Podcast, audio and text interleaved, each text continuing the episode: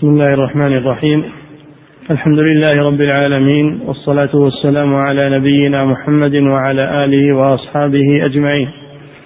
أما بعد قال المؤلف رحمه الله تعالى فصل وصلاة العيدين فرض كفاية. بسم الله الرحمن الرحيم. الحمد لله رب العالمين. صلى الله وسلم على نبينا محمد وعلى آله وأصحابه أجمعين. العيدان تثنية عيد والمراد به ما يعود ويتكرر. سمي عيدا لأنه يعود ويتكرر. وكان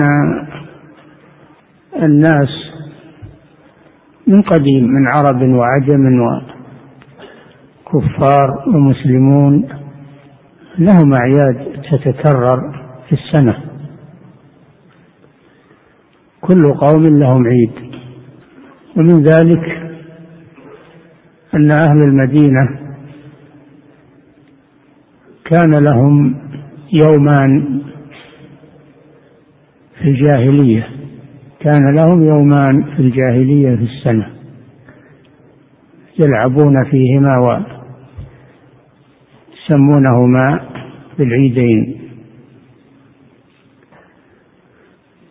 وهما عيدان جاهليان. والإسلام جاء بمخالفة الجاهلية وبمخالفة اليهود والنصارى وبمخالفة العجم ليتميز الإسلام عن غيره بشرائعه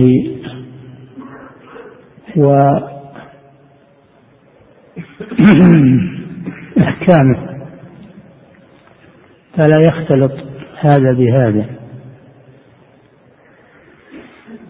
ولذلك لما هاجر النبي صلى الله عليه وسلم إلى المدينة ولهم هذان العيدان أو هذان اليومان في جاهليتهم.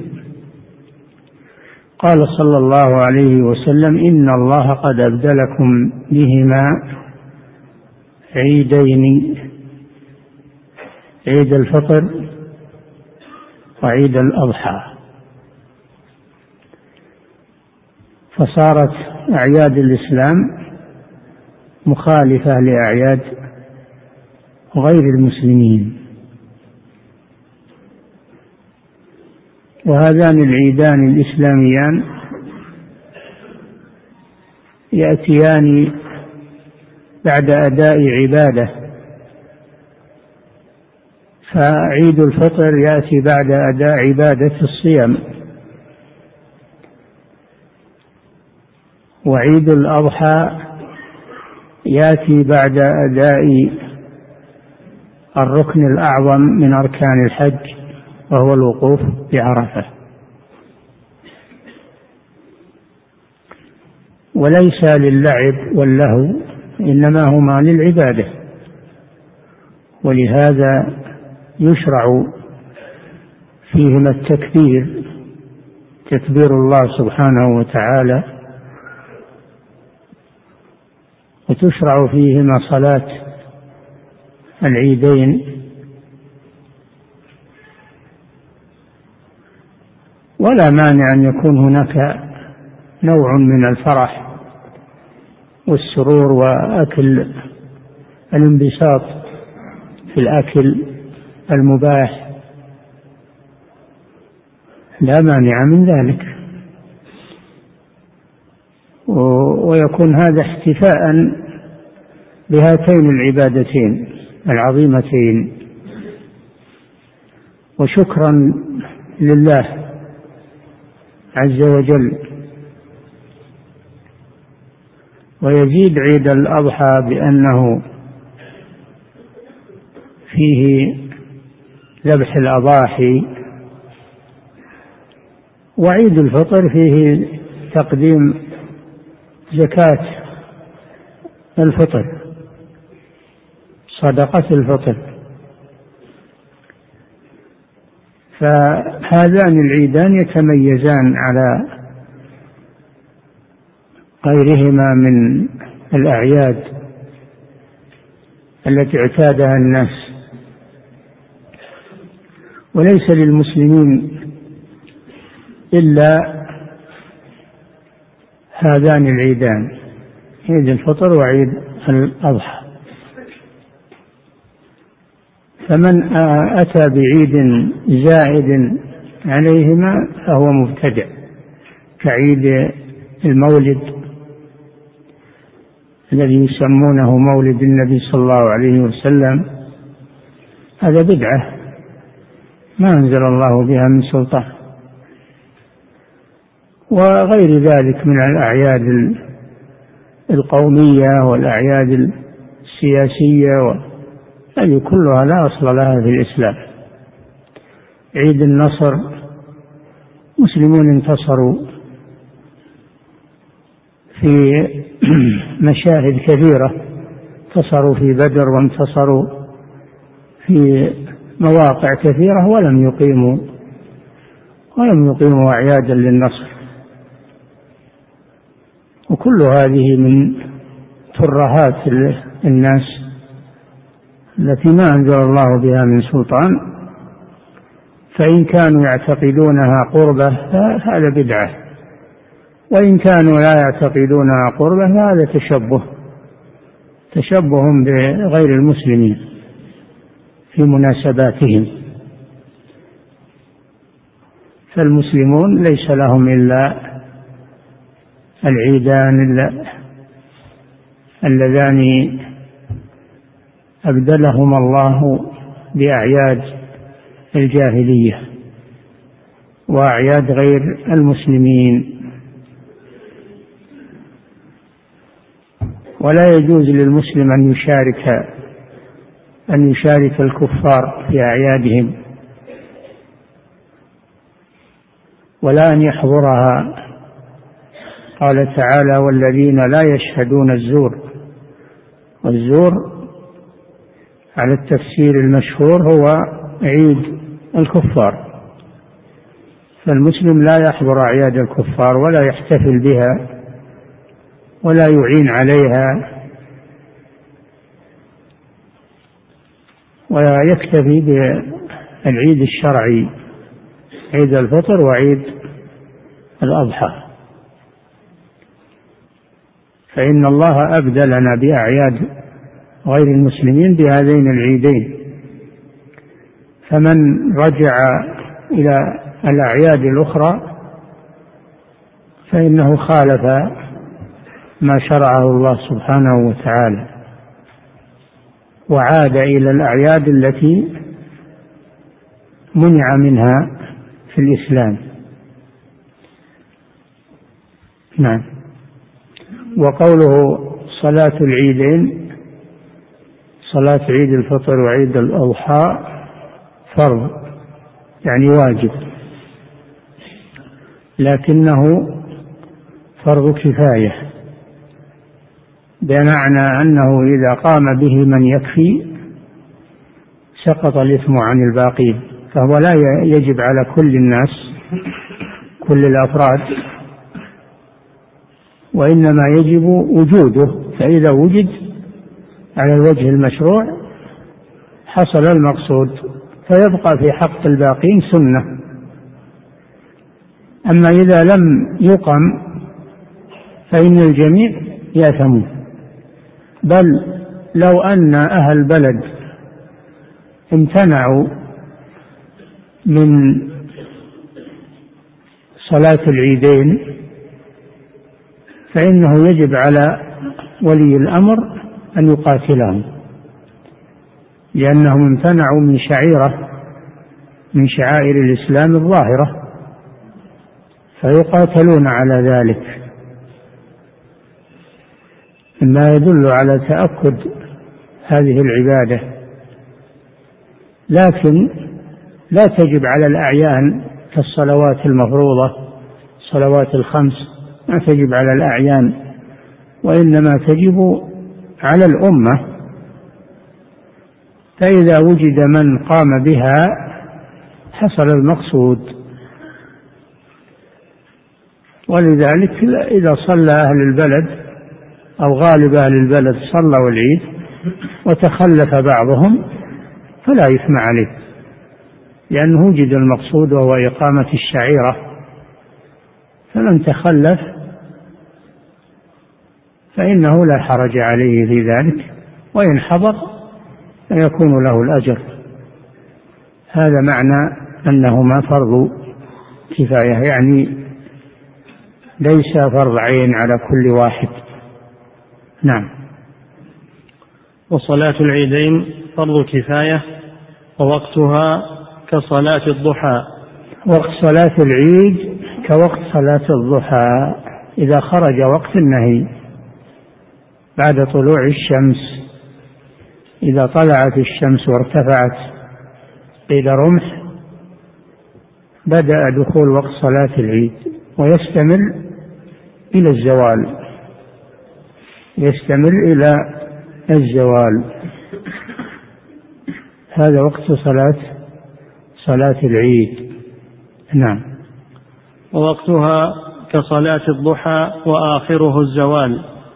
آخره الزوال. بدايته من ارتفاع الشمس وآخره زوال الشمس. نعم. يعني بدخول وقت الظهر. نعم. فإن لم يعلم بالعيد إلا بعده صلوا من الغد قضاء. إذا إذا زالت الشمس ولم يعلم بالعيد لم يعلم بالهلال إلا بعد الظهر. فإنهم يفطرون. فإنهم يفطرون ثم يخرجون من الغد لصلاة العيد. لأن هذا حصل على عهد النبي صلى الله عليه وسلم. فقد أصبحوا صائمين لأنه لم يثبت الهلال. ثم جاء من أخبرهم برؤية الهلال. فأمر النبي صلى الله عليه وسلم الناس أن يفطروا وأن يخرجوا غدا لعيدهم. فدل على أنها لا تصلى بعد الزوال وإنما تؤخر إلى الغد. نعم. وشرط لوجوبها شروط جمعة. اشترط لوجوب صلاة العيد شروط وجوب الجمعة كما سبق. ومنها الاستيطان بأن يكونوا مستوطنين دائما في المكان لا يرحلون عنه صيفا ولا شتاء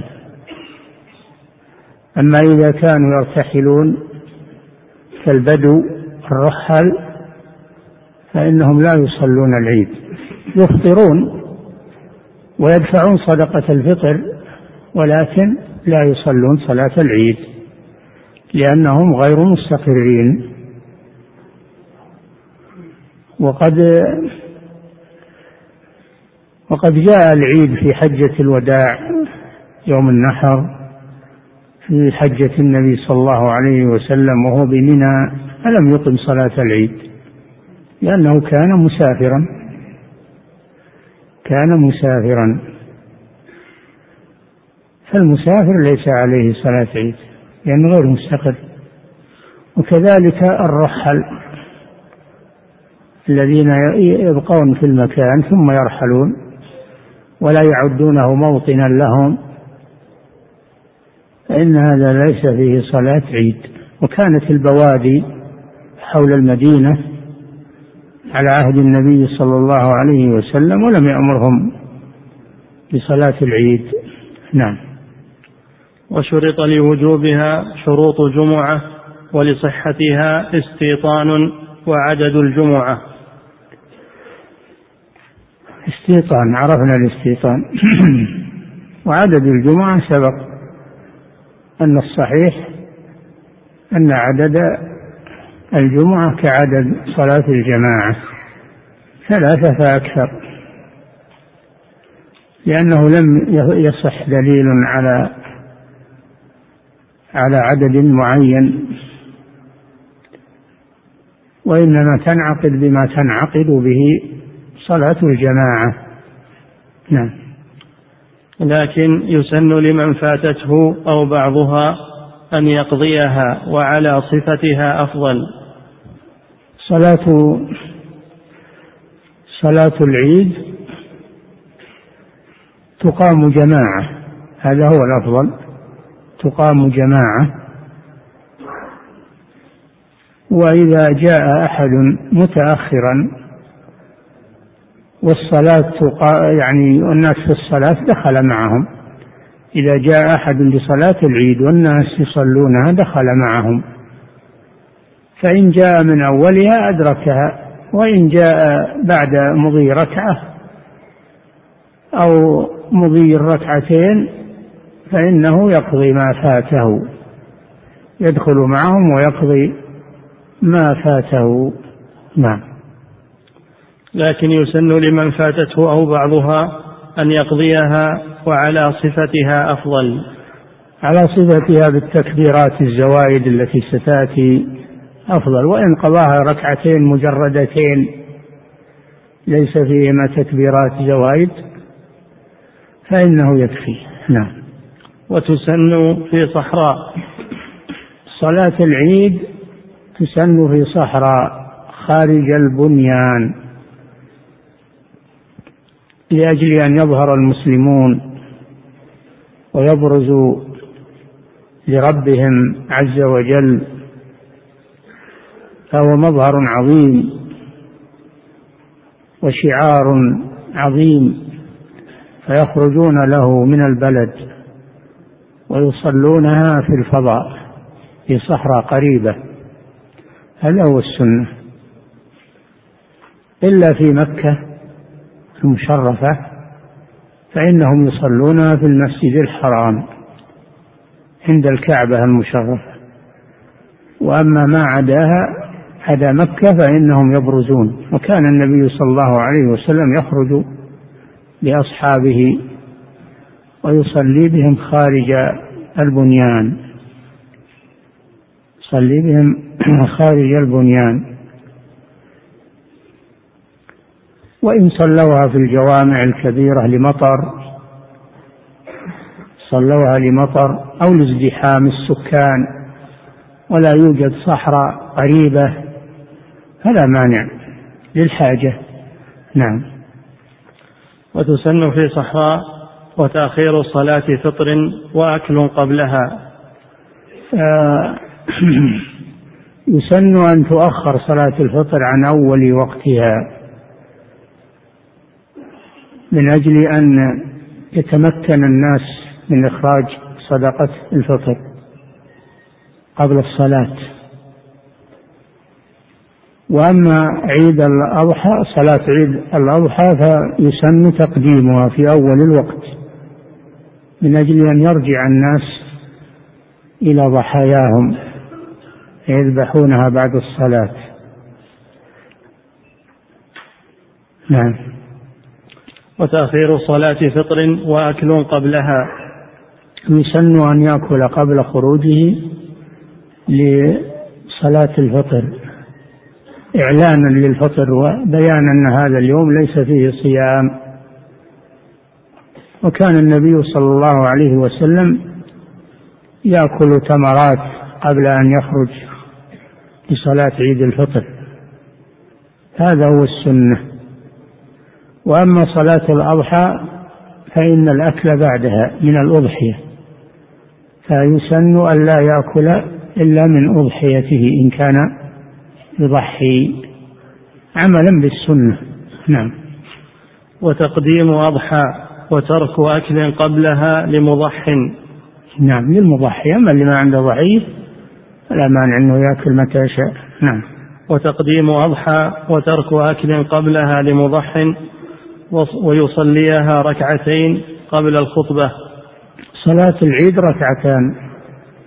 قال عمر رضي الله عنه صلاة الجمعة إيه، صلاة العيد صلاة العيد ركعتان. تمام غير قصر. سنة نبيكم صلى الله عليه وسلم. نعم. ويصليها ركعتين قبل الخطبة. ويصليها قبل الخطبة. العيد تصلى قبل الخطبة. قبل الخطبة بخلاف الجمعة فإنها تصلى بعد الخطبة. هكذا السنة.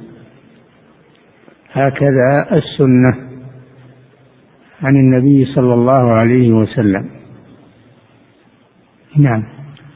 يكبر في الأولى بعد الاستفتاح وقبل التعوذ والقراءة ستا وفي الثانية قبل القراءة خمسا. يستحب التكبيرات الزوائد كبر تكبيرة الإحرام. وهذه ركن من أركان الصلاة. لا تصح إلا بها. ثم يكبر ثم يكبر ست تكبيرات بعدها زوائد تكبيرات الزوائد هذا سنة.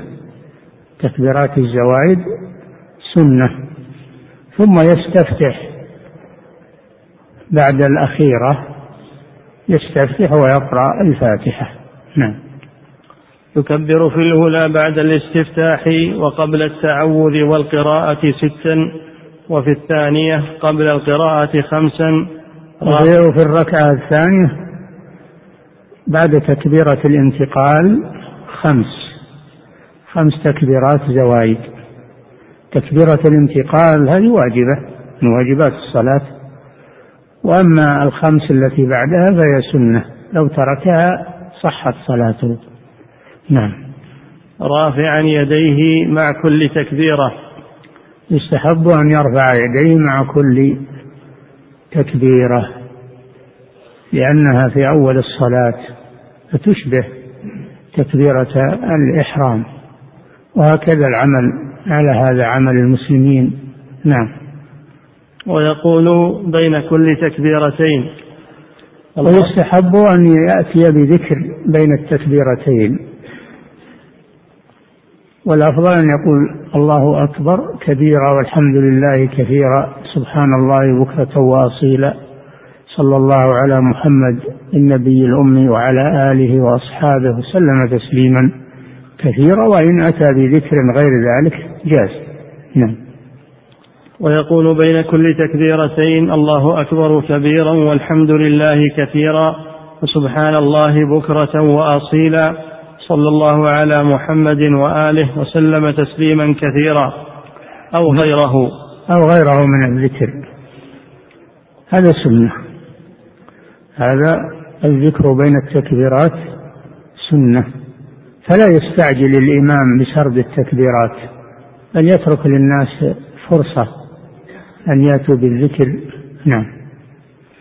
ثم يقرأ بعد الفاتحة في الأولى سبح. ثم يقرأ الإمام يقرأ الإمام سورة الفاتحة هذه ركن ثم يقرأ بعدها سورة سبح اسم ربك الأعلى في الأولى ويقرأ هل أتاك حديث الغاشية في الثانية.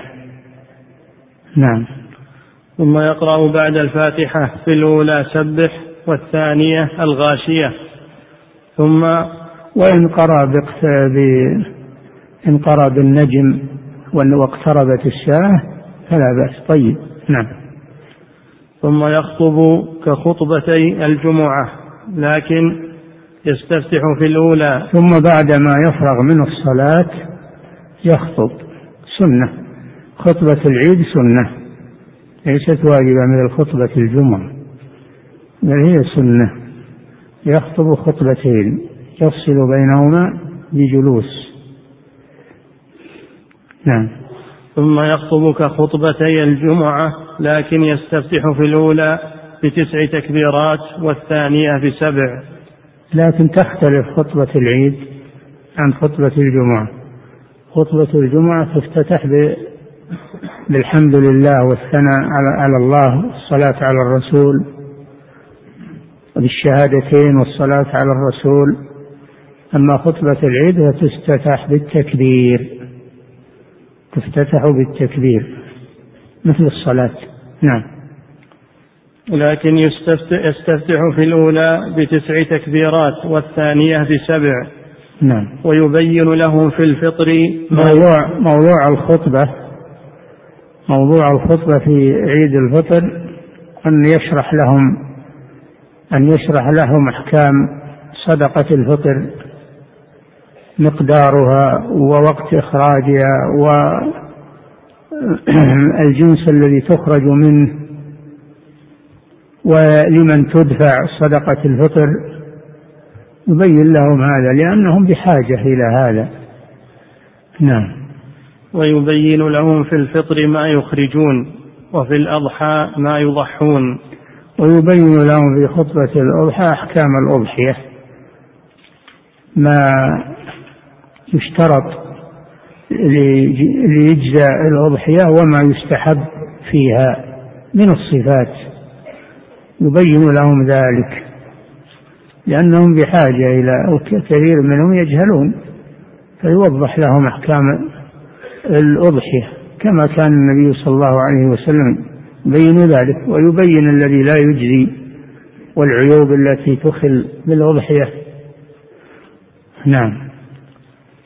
وسن التكبير المطلق ليلتي العيدين. ويزيد على يزيد على بيان إحكام صدقة الفطر في عيد الأضحى في في صلاة في خطبة عيد الفطر ويزيد على إحكام الأضحية في خطبة عيد الأضحى بما يحتاجون إليه من التنبيهات والموعظة والتذكير. يزيد على ذلك لأن المقصود من الخطبة تذكير الناس ووعظهم وتعليمهم. ليس المقصود مجرد كلام يقال بدون فائدة وبدون مناسبة وإنما يجعل الخطبة درسا مفيدا للحاضرين. نعم.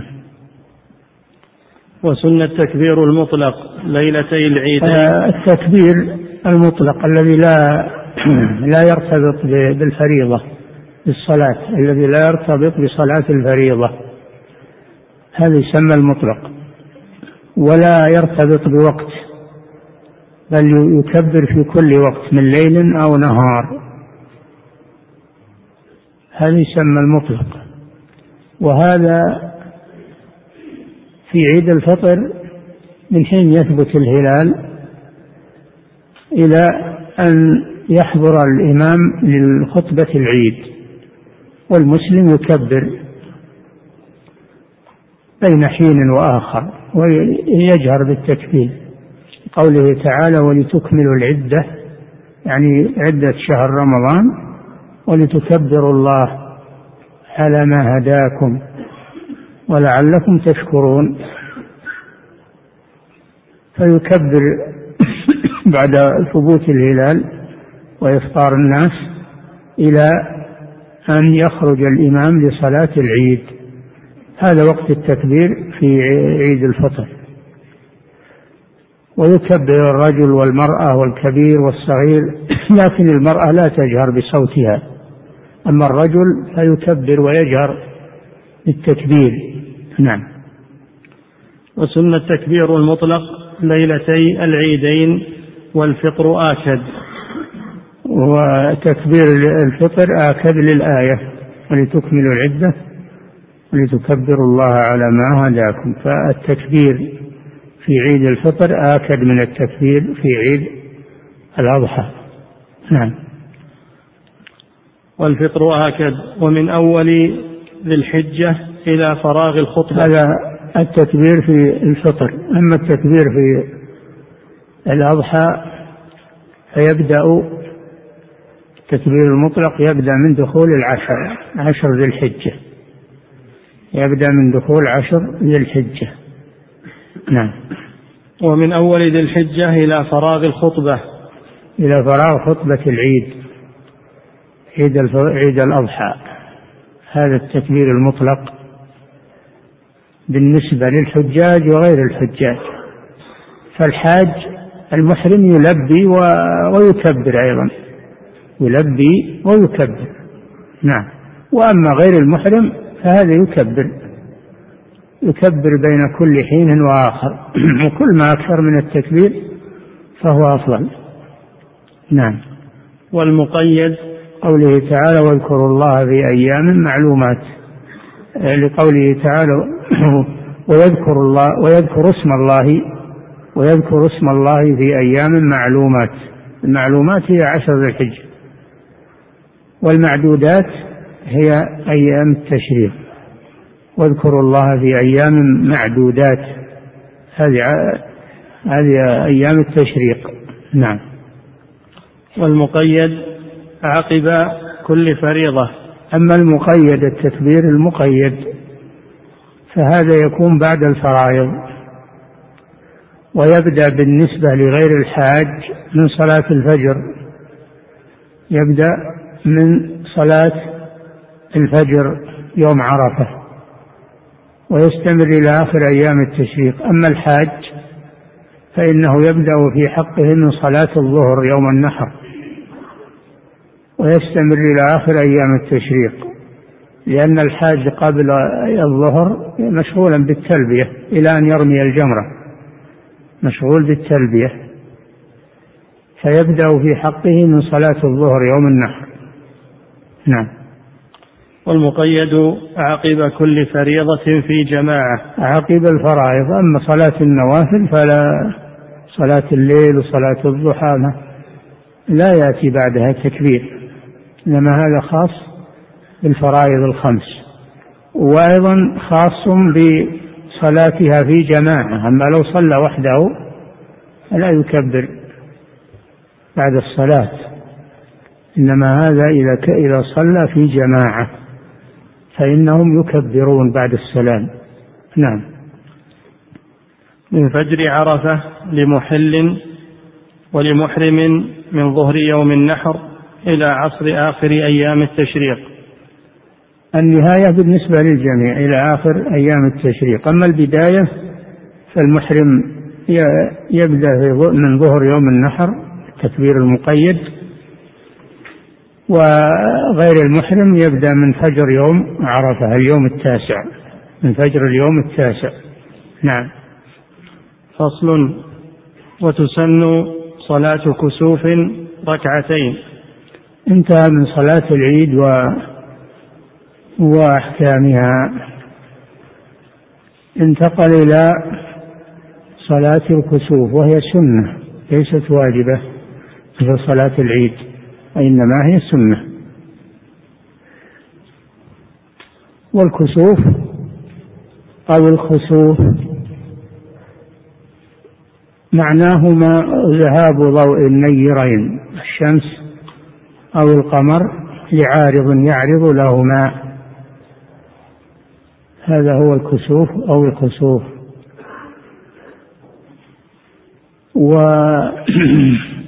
ويدرك هو بالحساب. يعرف متى يحصل الكسوف والخسوف بالحساب من سير الشمس والقمر. فإذا فإذا جاء فإذا صار في آخر الشهر في تسعة وعشرين صار القمر تحت الشمس فيحجبها عن الأرض يحجب الشمس عن الأرض لأنه يأتي تحتها. وإذا صار في يوم خمسة عشر من الشهر فإنه يكسف القمر. فكسوف الشمس في تسعة وعشرين لأن القمر يحجبها عن الأرض يجتمعان. وأما القمر فيكسف في, خمس في أربعة عشر أو خمسة عشر ليالي الإبدار لأنه يتقابل مع الشمس وتكون الأرض بينهما فتغطي ضوء الشمس عن القمر وضوء القمر مستفاد من الشمس فإذا جاءت الأرض ظللت على القمر فلا يأتيه نور الشمس فيحصل الكسوف. وهذا يعرف بالحساب بلا شك. وهو مجرب ومعروف. ولكن الرسول صلى الله عليه وسلم شرع لنا الصلاة. وإن كان يعرف بالحساب فالنبي صلى الله عليه وسلم شرع لنا الصلاة عند حدوث ذلك. لأنه يخشى أن يكون مستمرا إذا شاء الله جل وعلا جعله مستمرا. فالمسلمون يصلون يخافون أن يحدث عقوبة عند ذلك وأن يستمر هذا الحدث الذي يحجب عنهم ضوء الشمس والقمر وهم بحاجة إليهما. فيصلون صلاة الكسوف. كانوا في الجاهلية يعتقدون أن كسوف الشمس أو خسوف القمر إنما هو لمناسبة موت عظيم أو ولادة عظيم. فيظنون أن هذا يحصل بسبب موت عظيم من العظماء من الناس أو ولادته. هكذا يفسرون الكسوف. بجاهليتهم فلما كان في عهد النبي صلى الله عليه وسلم كسفت الشمس. يوم مات إبراهيم ابن الرسول صلى الله عليه وسلم. فقال بعض الناس كسبت الشمس لموت إبراهيم. بناء على ما كان معروفا في الجاهلية. فقال صلى الله عليه وسلم إن الشمس والقمر آيتان من آيات الله يخوف الله بهما عباده. فإذا رأيتم منهما ذلك فصلوا وادعوا حتى ينكشف ما بكم. إن الشمس والقمر آيتين من آيات الله. خوف الله بهما عباده لا ينكسفان لموت أحد ولا لحياته وإنما هما آيتان يخوف الله بهما عباده. فنفى صلى الله عليه وسلم ما كانوا يعتقدونه في الجاهلية وبين الحكمة من حصول الكسوف وهو التخويف تخويف الله للعباد. وأيضا هذا يدل على على بطلان عبادة الشمس والقمر لأنهم كانوا في الجاهلية منهم من يعبد الشمس والقمر ويسجد لهما. فالله بين أن أن الشمس والقمر مدبران وأنهما تحت تدبير الله سبحانه وتعالى. آيتان من آيات الله. ولهذا قال تعالى ومن آياته الليل والنهار والشمس والقمر لا تسجدوا للشمس ولا للقمر واسجدوا لله إن كنتم إياه تعبدون. وبين سبحانه وتعالى أن الشمس والقمر من آيات الله ليس لهما تدبير في الكون. ولا يصلحان للعبادة وإنما العبادة لله جل وعلا الذي خلق الشمس والقمر. إن كنتم إياه تعبدون. فبين تعالى بطلان عبادة الشمس والقمر. وأنه لا يسجد لهما وإنما يسجد لله سبحانه وتعالى. وبين النبي صلى الله عليه وسلم أيضا أن كسوفهما من آيات الله وليس هو لحدث يحدث في الأرض كما تعتقده الجاهلية. ولما كسبت الشمس في عهده صلى الله عليه وسلم خرج فزعا خرج من بيته فزعا يعني خائفا. يجر رداءه خشية أن تقوم الساعة ثم صلى بأصحابه حتى زال الكسوف عن الشمس. هكذا شرع لنا صلى الله عليه وسلم. بعض الناس إذا سمع أنه يعرف بالحساب يقول أجل له نصلي؟ له نصلي؟ ما دام يعرف بالحساب يظن أنه أن الرسول إنما شرعه لأنه ما يعرف الحساب. ولا يدري أن الشمس والقمر يدرك كسوفهما بالحساب. فكان هذا تجهيل للرسول صلى الله عليه وسلم. فالعبرة ليست بمعرفته بالحساب إنما العبرة بكونها آية من آيات الله. الشمس والقمر أعظم الكواكب ويحصل لهما التغير. يحصل لهما هذا التغير فدل على أنهما في قدرة الله جل وعلا. يصرفهما كيف يشاء سبحانه وتعالى. فهذه هي الحكمة من صلاة الكسوف. ولا تعارض بينها وبين كون هذا يدرك بالحساب. لكن لا ينبغي إن, إن هذا يظهر للناس ويشوش على العوام ويتبجح بعض بعضهم بإظهاره والخبر الإخبار عنه.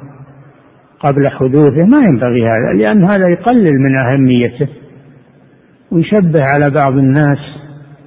وكان السلف يعرفون الحساب أدق من معرفة هؤلاء وما كانوا يذكرونه ولا يبينونه للناس لأن الناس ليسوا بحاجة إلى هذا.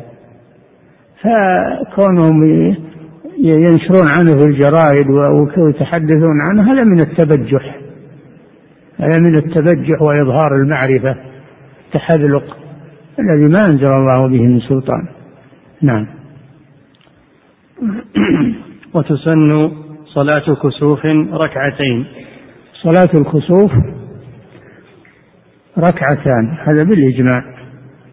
ركعتان ولكن كل ركعة فيها ركوعان أو ثلاثة ركوعات. أو أربعة ركوعات أو خمسة ركوعات كل هذا وردت به الأدلة وردت به الأدلة. فكيفما صلاها أجزأت على حسب الروايات على حسب الروايات. ولكن أرجحها أرجحها أنها ركعتان بأربع ركوعات. كل ركعة فيها ركوعان فهي ركعتان بأربع ركوعات وأربع سجدات. هذا هو الراجح من صفتها. نعم. وتسن صلاة كسوف الركعتين كل ركعة بقيامين وركوعين. نعم كل ركعة بقيامين وركوعين. يكبر تكبيرة الإحرام ويستفتح. ثم يقرأ الفاتحة ثم يقرأ بعدها سورة طويلة بقدر سورة البقرة. ثم يركع ركوعا طويلا نحو من قيامه. ثم يرفع ويقول سمع الله لمن حمده ربنا ولك الحمد. ثم يقرأ الفاتحة. ثم يقرأ سورة طويلة دون الأولى.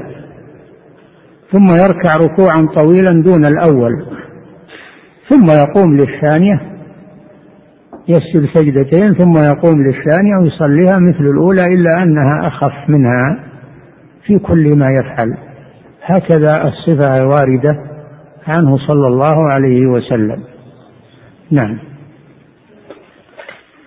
كل ركعة بقيامين وركوعين وتطويل سورة وتسبيح. نعم. وتطويل سورة وتسبيح. تطويل سورة بقدر سورة البقرة في الأولى في القيام الأول. القيام الثاني سورة طويلة لكنها أقل من الأولى. نعم. وتطويل سورة وتسبيح. وتطويل التسبيح في الركوع والسجود. نعم. وكون أول وكون أول وكون أول كل أطول. نعم الركعة الأولى بقياميها وركوعها وسجودها أطول من الركعة الثانية بقياميها وركوعها وسجودها. تدرج تكون بالتدريج. نعم. واستسقاء إذا أجدبت الأرض. نعم. واستسقاء إذا خل الاستسقاء وقت آخر. نعم. إحنا الحمد لله. أقول سقانا الله سبحانه وتعالى له الحمد وله الشكر. نعم. نقف على هذا الشيخ أي نعم. يقول فضيلة الشيخ وفقكم الله. ما حكم التهنئة بالعيد؟ كقول تقبل الله منا ومنكم أو عيد مبارك أو كل عام وأنتم بخير. لا بأس بذلك. لا بأس يقولون لا بأس أن أن تقول تقبل الله منك فيرد عليك ويقول تقبل الله منك. لا بأس بذلك.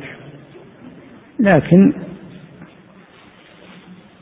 الإمام أحمد ورد عنه أنه يقول أنا لا أبدأ به لكن من بدأني رددت عليه. من بدأني رددت عليه. تقبل الله منا ومنك. إلى آخره. نعم. يقول فضيلة الشيخ وفقكم الله وما حكم التهنئة بدخول العام الجديد؟ لا أصل له. لما التهنئة بدخول العام الجديد فلا أصل لها. نعم. يقول فضيلة الشيخ وهي بدعة. تعتبر بدعة. نعم. يقول فضيلة الشيخ وفقكم الله كيف الجمع بين قول المؤلف رحمه الله صلاة العيد فرض كفاية وبين ما ورد من أمر النبي صلى الله عليه وسلم أنه أمر النساء أن يخرجن إلى المصلى وكذلك الحيض. أي نعم هذا تأكد هذا يدل على تأكدها تأكد حضورها وشهودها ولا يدل على فرضيتها بدليل حديث الأعرابي الذي سأل النبي صلى الله عليه وسلم عن الإسلام فذكر له الصلوات الخمس اليوم والليلة فقال الأعرابي هل علي غيرها؟ يعني صلوات غيرها؟ قال لا إلا أن تتطوع. فدل على أن ما عدا الصلوات الخمس فإنه ليس فرض عين. نعم. بعض العلماء يرى أنه فرض عين كشيخ الإسلام ابن تيمية يرى أن صلاة العيد فرض عين لكن الجمهور على أنها فرض كفاية. نعم. يقول فضيلة الشيخ وأظن مذهب الحنفية أنه فرض عين. نعم. يقول فضيلة الشيخ وفقكم الله. لسائل يقول في بلدنا يا شيخ تقام خطبة واحدة فقط لصلاة العيد. هل هذا مخالف للشرع؟ خالف للسنة نعم. هذا مخالف للسنة. الآن بدأوا حتى الجمعة بيخلون خطبة واحدة. يعني الشذوذات لا تستغربوا الشذوذات الآن. وهذا مبدأ شر تفرقة بين الأمة. تشويش على الناس. نعم. يقول فضيلة الشيخ وفقكم الله ما حكم من كبر تكبيرة الإحرام في صلاة العيد ثم شرع بالقراءة ناسيا ثم ذكره من خلفه فكمل التكبيرات الزوائد هل يشرع له سجود السهو؟ لا. لا يشرع له سجود السهو لأنه لم يترك واجبا. سجود السهو إنما يجب لترك الواجب وهذا سنة ليس واجبا. نعم. يقول فضيلة الشيخ وفقكم الله متى يكبر التكبير المطلق؟ هل متى يكبر التكبير المقيد؟ هل هو بعد سلام الإمام مباشرة أو بعد الاستغفار ثلاثا وقبل أذكار الصلاة؟ بعد الاستغفار. بعد الاستغفار يأتي بالتكبير المقيد. نعم. وكم عدد التكبير المقيد بعد الصلاة؟ هل له عدد معين؟ صفته أن يقول الله أكبر الله أكبر لا إله إلا الله الله أكبر الله أكبر ولله الحمد. إن قالها مرة واحدة كفى وإن كررها فهو أفضل. نعم. يقول فضيلة الشيخ وفقكم الله هل يكون التكبير المطلق في كل وقت حتى بعد الفرائض؟ لا يكون بعد الفرائض وإنما لأنه إذا كان بعد الفرائض اشتبه بالمقيد يكون في غير وقت الفرائض. الفرائض بعدها الذكر الموظف بعدها. نعم. يقول فضيلة الشيخ وفقكم الله إذا كان آخر وقت لإخراج صدقة الفطر هو صلاة العيد فما الحكمة من كون موضوع الخطبة عن أحكام زكاة الفطر وقد فات وقتها؟ يمكن واحد الناس ولا أخرجها يذكر ويبين له.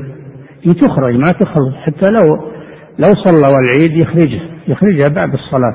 ولو حتى بعد العيد يخرجها لأنها فرض فرض ودين في ذمته لا بد يخرجها. نعم. يقول فضيلة الشيخ وفقكم الله هل يعزى في عيد الفطر على فراق رمضان فيعزي الناس بعضهم بعضا بذلك؟ لا. هذا شيء لم يرد. تعزية إنما هي بموت ميت قريب. هذه التعزية وغيره ما في تعزية. نعم. يقول فضيلة الشيخ وفقكم الله تسمية الأعياد الوطنية باليوم الوطني هل يخرجها من كونها محظورة؟ العيد كما عرفتم إنه ما يتكرر ويعود سواء سميته يوم يوم وطني أو يوم عيد الجلوس أو عيد المولد أو غير ذلك. المهم إنه يتكرر كل سنة فيكون هذا هو العيد. نعم. يقول فضيلة الشيخ وفقكم الله من كان في البادية لكنه يذهب إلى أقرب قرية ليصلي العيد هل لكنه لكن الزوائد عن عن العيد المشروع كما ذكرت لكم. إن كان يعتبر عبادة فهو بدعة مثل العيد المولد. هذا يعتبرونه عبادة محبة للرسول صلى الله عليه وسلم. هذا بدعة. أما إذا كان لا يعتبر عبادة فإنه يكون تشبها بالدول الكافرة فلا يجوز التشبه. فهو لا يجوز على كل حال لأنه إما بدعة وإما تشبه. نعم. يقول فضيلة الشيخ وفقكم الله من كان في البادية لكن يذهب إلى أقرب قرية ليصلي العيد. من كان من كان في البادية. نعم. لكنه يذهب إلى أقرب قرية ليصلي العيد. هل فعله مخالف للسنة؟ لا ما هو مخالف للسنة. إذا ذهب وصلى العيد. فهذا طيب. زيادة خير. إنما الوجوب يقول ما يجب أنه يروح ما يلزمه ذلك. لكن لو راح وصلى هذه زيادة خير. نعم. يقول فضيلة الشيخ وفقكم الله ما حكم صلاة العيد؟ لمن قدم الخطبتين على الصلاة جاهلا أو ناسيا؟ الصلاة صحيحة. يكون خالف السنة. يكون خالف السنة والصلاة صحيحة إن شاء الله. نعم.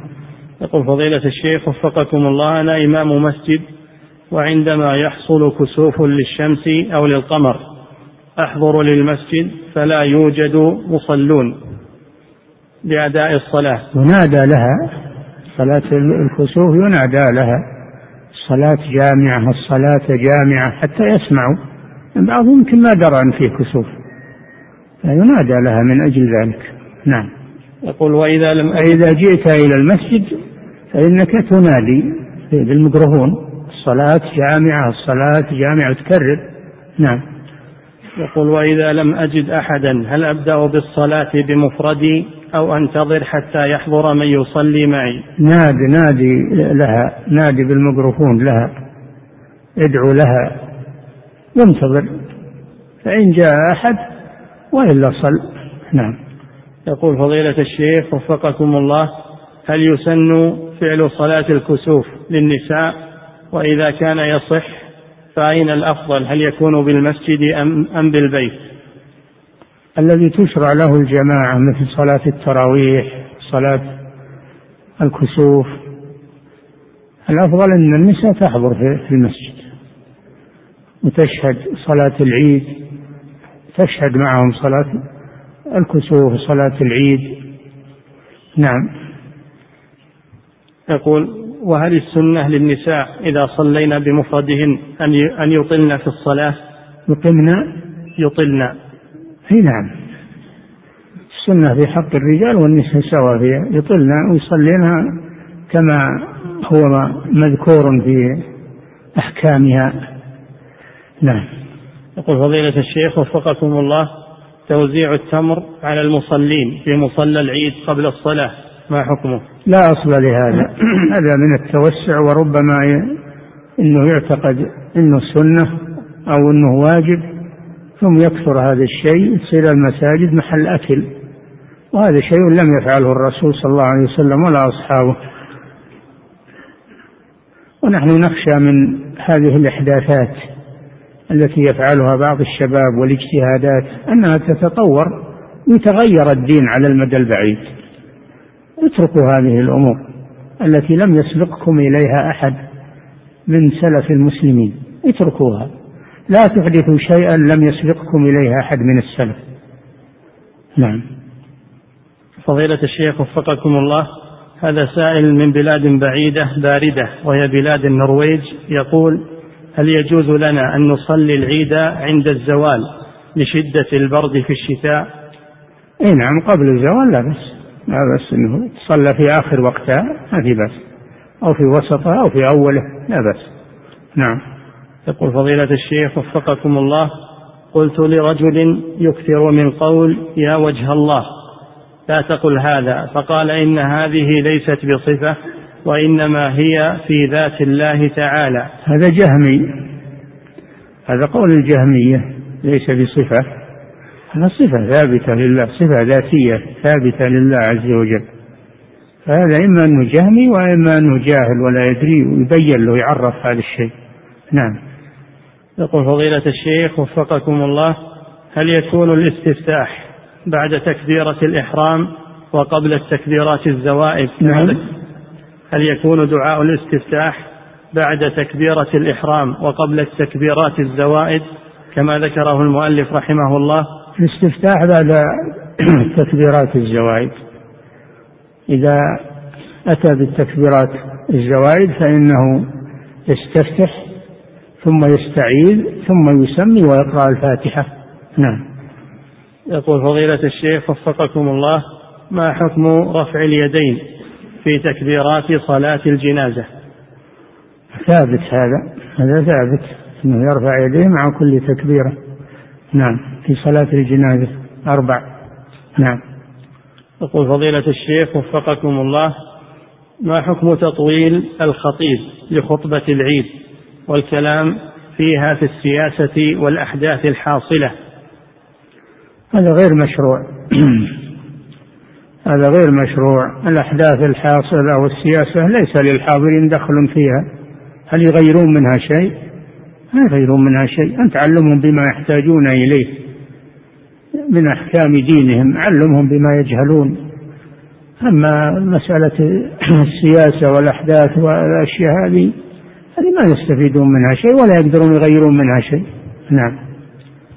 فضيلة الشيخ وفقكم الله هذه مجموعة من البنات يقولون إن أبانا متزوج على أمنا وهو ظالم لنا فهل يجوز لنا أن نقاطع أبانا علما بأنه لا يعطينا شيئا من الضمان الاجتماعي وأمنا تطلب منا مقاطعته. فماذا نفعل؟ هل نقاطعه؟ لا هذا عقوق. العقوق لا يجوز ولا تطيعوا أمكم في ذلك لأن عقوق الوالد كبيرة من كبائر الذنوب. ولو أساء إليكم أنتم أحسنوا إليه. أدوا الذي لكم واسألوا الله الذي أدوا الذي عليكم. واسألوا الله الذي لكم. أما أنكم تعقون لا ما يجوز هذا. نعم. يقول فضيلة الشيخ وفقكم الله هل ورد دليل باستحباب الذكر بين تكبيرات العيد؟ وهو قول الله أكبر كبيرا. من فعل السلف من فعل السلف كان آه، سألوا أظن ابن مسعود أو أحد الصحابة ما تقول بعد التكبير؟ قال أقول كذا وكذا وكذا. نعم مأثور عن السلف. نعم. يقول فضيلة الشيخ وفقكم الله قول المؤلف رحمه الله وشرط لوجوبها شروط جمعة ولصحتها استيطان. لأن الشروط على قسمين شروط وجوب وشروط صحة. فالاستيطان شرط صحة. شرط صحة بحيث أنه إذا تحقق صحت وإذا لم يتحقق لم تصح. نعم. يقول وهل معنى قوله ولصحتها استيطان أن المسافر وغير المستوطن لو صلى العيد فإن صلاته غير صحيحة؟ إذا صلاها تبعا لغيره فهي صحيحة أما إن صلاها منفردا أو أو مسافرون صلوها فهي غير صحيحة. إذا صلاها مسافرون جماعة أو صلوا الجمعة هذه غير صحيحة. أما إذا صلوها مع غيرهم ممن تجب عليه فيكون تبعا. نعم. يقول فضيلة الشيخ وفقكم الله إذا لم يعلم بالعيد إلا بعد الزوال وأرادوا الصلاة من الغد ووافق ذاك يوم الجمعة فهل تسقط صلاة فهل تسقط صلاة العيد حينئذ وجوب صلاة الجمعة؟ يا أخي يصلونها الضحى يصلون العيد يصلونها إذا ارتفعت الشمس ما عليها من الجمعة. وإذا جاءت الجمعة يصلونها في وقتها. نعم. يقول فضيلة الشيخ وفقكم الله إذا لم يعلموا بالعيد إلا بعد الزوال فهل يمتد وقت إخراج صدقة الفطر إلى الغد؟ إذا لم يعلموا بالعيد إلا بعد الزوال يخرجون صدقة الفطر. ما ما يأجلونها إلى الغد يبادرون بإخراجها. ويمتد هذا إلى إلى آخر النهار أو إلى الغد. المهم يخرجونها في إذا علموا يخرجونها يفطرون ويخرجون صدقة الفطر. أما الصلاة يأجلونها. نعم. يقول فضيلة الشيخ وفقكم الله لي والدة مقيمة مع أخي الصغير وهو سوف يحج في هذه السنة إن شاء الله. نعم. يقول لي والدة مقيمة مع أخي الأصغر. وهو سوف يحج هذه السنة إن شاء الله. وقد كان يضحي عنها بأضحية له ولوالدتي معه. سؤاله هل يجوز لأخي الأكبر الذي يبعد منزله عنها بحوالي خمسين مترا أن ينوي له ولها أن يضحي عنها بالرغم من أنها ليست ساكنة معه؟ أذن أول شيء بعدين نجاوب على السؤال. نعم. يقول فضيلة الشيخ وفقكم الله لي والدة مقيمة مع أخي الأصغر وسوف يحج هذه السنة إن شاء الله وقد كان يضحي عنها بأضحية عنه وعنها. السؤال هل يجوز لأخي الأكبر الذي يبعد منزله عنا بحوالي خمسين مترا أن ينوي عنه وعنها أضحية بالرغم من أنها ليست ساكنة معه؟ ما شيء طيب لو ضحيتم كلكم عنها ما في مانع. واللي بالبلد واللي خارج البلد له مسافة ألف ألف كيلو ما هذه زيادة خير وزيادة أجر ما في مانع. نعم. يقول فضيلة الشيخ وفقكم الله من أتى للمسجد والإمام يخطب للعيد. هل يصلي تحية المسجد أم يصلي العيد بجماعة متأخرين أم يصلي وحده. كيف؟ من أتى للمسجد والإمام يخطب للعيد. يعني صلى صلاة العيد. هل يصلي تحية المسجد أم يصلي العيد بجماعة متأخرين أم يصلي وحده؟ إذا كان يعلم أن فيه جماعة يلحقون فهو يجلس يستمع الخطبة فإذا جاء يصلون إذا جاءوا يصلون جماعة صلاة العيد. نعم. يقول فضيلة الشيخ وفقكم الله ما حكم الكلام أثناء خطبة العيد؟ وهل يبطل أجر المتكلم؟ لا بأس بالكلام ولا يحرم في وقت خطبة العيد لأن خطبة العيد ليست واجبة إنما هي سنة. خلاف الجمعة خطبة الجمعة فيحرم الكلام والإمام يخطب. نعم. لأن لأن خطبة الجمعة واجبة. ويجب الإنصات لها. نعم. يقول فضيلة الشيخ وفقكم الله ما حكم الرفع ما حكم رفع الصوت بالتكبير المقيد أو المطلق في المسجد؟ وإذا كان يشوش على المصلين فما حكمه؟ الأصل رفع الصوت به في المساجد وغيرها لكن إذا ترتب عليه ضرر بالآخرين فإنه لا يجهر به كالذي يشوش على المصلين. نعم. يقول فضيلة الشيخ وفقكم الله هل يشرع التكبير المقيد لمن صلى في جماعة ثانية بعد انتهاء الجماعة الأولى؟ بعد الفريضة. الصلاة مع الجماعة الثانية السنة وليست فريضة. نعم. يقول فضيلة الشيخ وفقكم الله بعض الناس يعتقد أن المرض كالزكام ونحوه ينتقل من شخص لآخر وأنه يسبب العدوى. هل هذا ينافي قول النبي صلى الله عليه وسلم لا عدوى؟ لا ينافي العدوى موجودة المرض يعدي. ولهذا أمر النبي صلى الله عليه وسلم عند حدوث الطاعون في بلد ألا نقدم عليها.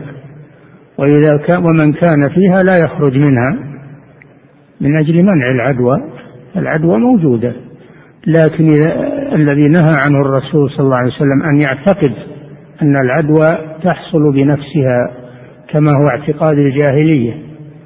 أما أنها تحصل بقضاء الله وقدره مع اتخاذ الأسباب للوقاية منها هذا لا حرج فيه.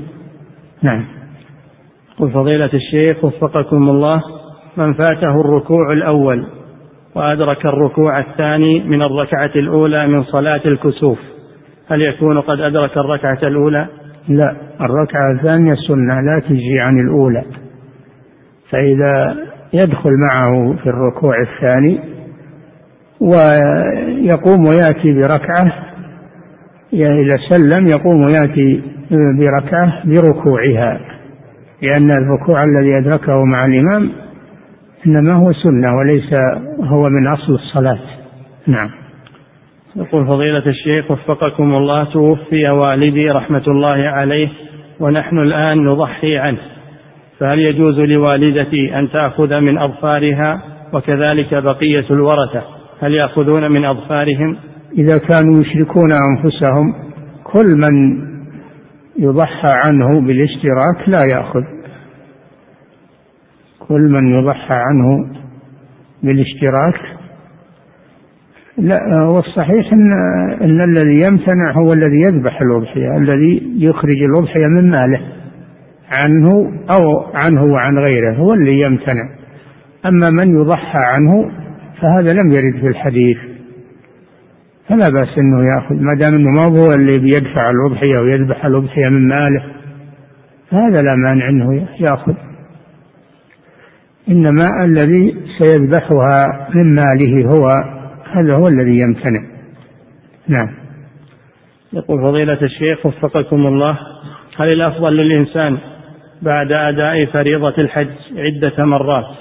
هل هل الأفضل للإنسان بعد أدائه لفريضة الحج عدة مرات؟ أن يزيد. فريضة الحج ما تؤدى عدة مرات تكفي المرة الأولى الباقي سنة. نعم. يقول هل الأفضل له أن يزيد أو يجلس مع أولاده لحاجتهم إليه؟ إذا كان أولاده يحتاجون إليه لحفظهم وتربيتهم فيبقى عندهم ولا يحج حج نافلة. بقاؤه عندهم أفضل من حج النافلة لأنه إذا راح عنهم يضيعون ربما يتأثرون بأخلاق سيئة فيبقى عندهم. نعم.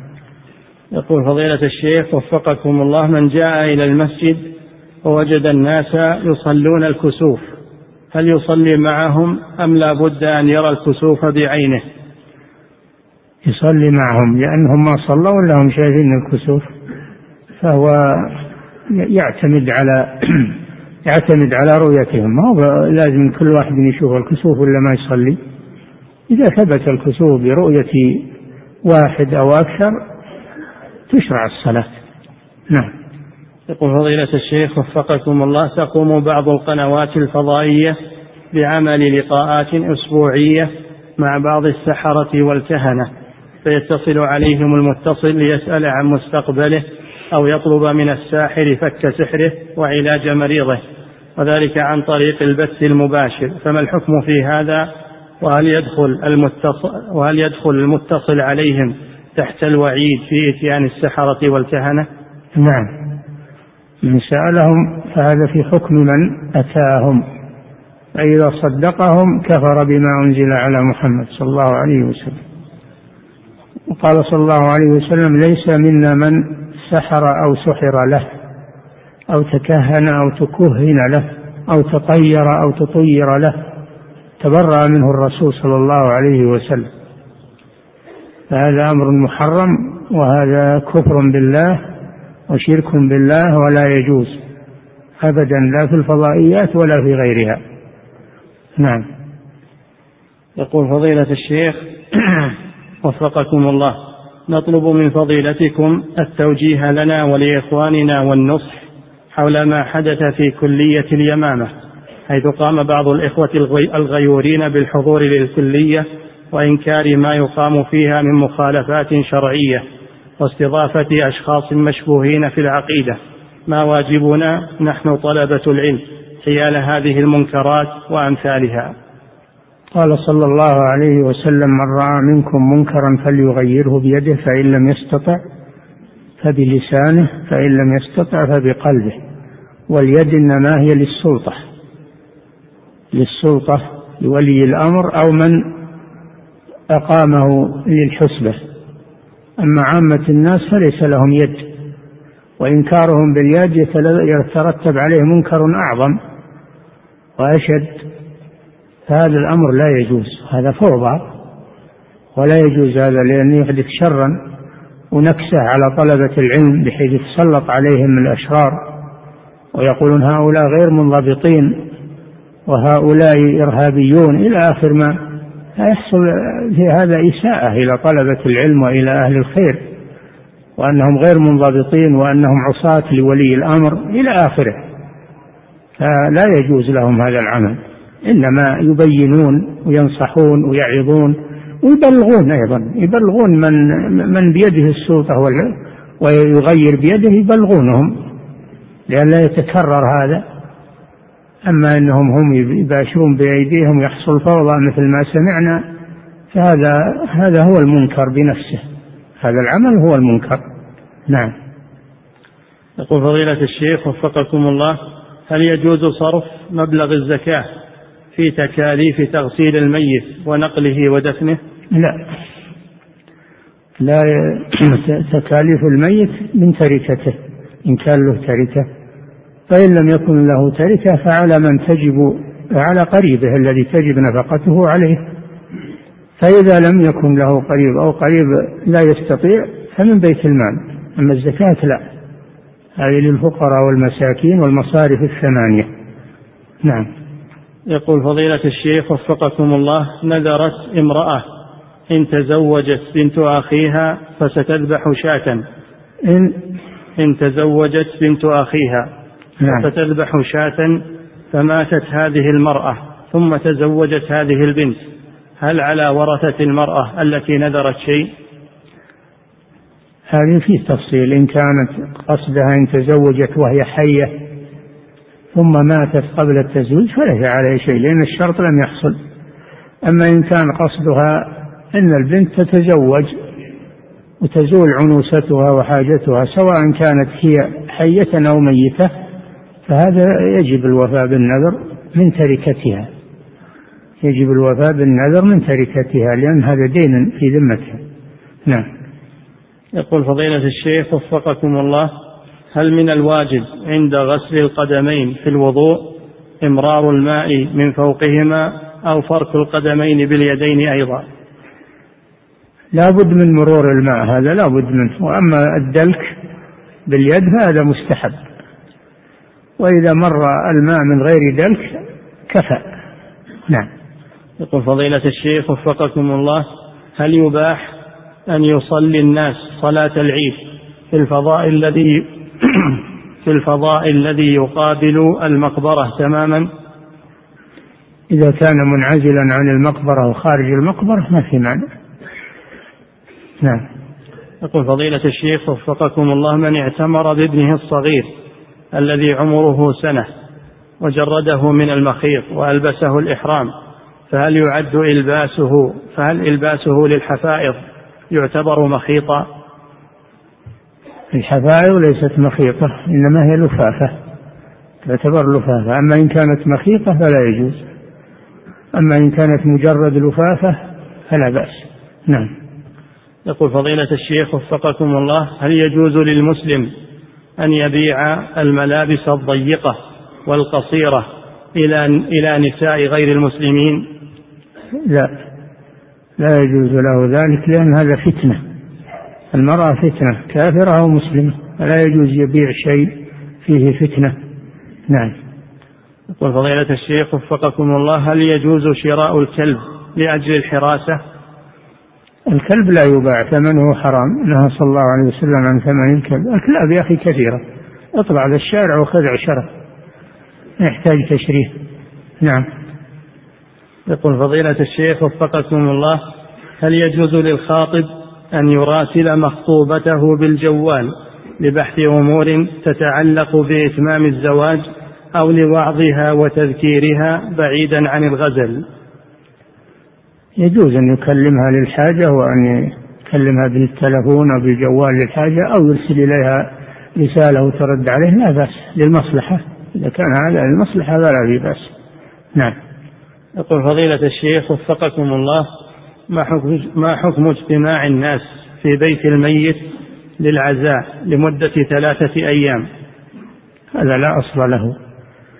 الاجتماع لا أصل له صنعة الطعام لا أصل لها. قال جرير بن عبد الله رضي الله عنه كنا نعد الاجتماع إلى أهل الميت وصنعة الطعام من النياحة.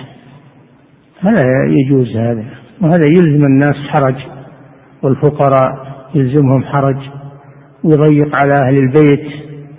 هم محزونون ومصابون ثم يجي ناس ويجلسون عندهم ويضيقون عليهم ويبون تكاليف وقهوة وخدمة إلى آخره. هذا من الإحراج. نعم. هذه عادات يجب أن تترك. نعم. الله تعالى أعلم. صلى الله وسلم على نبينا محمد على آله وصحبه.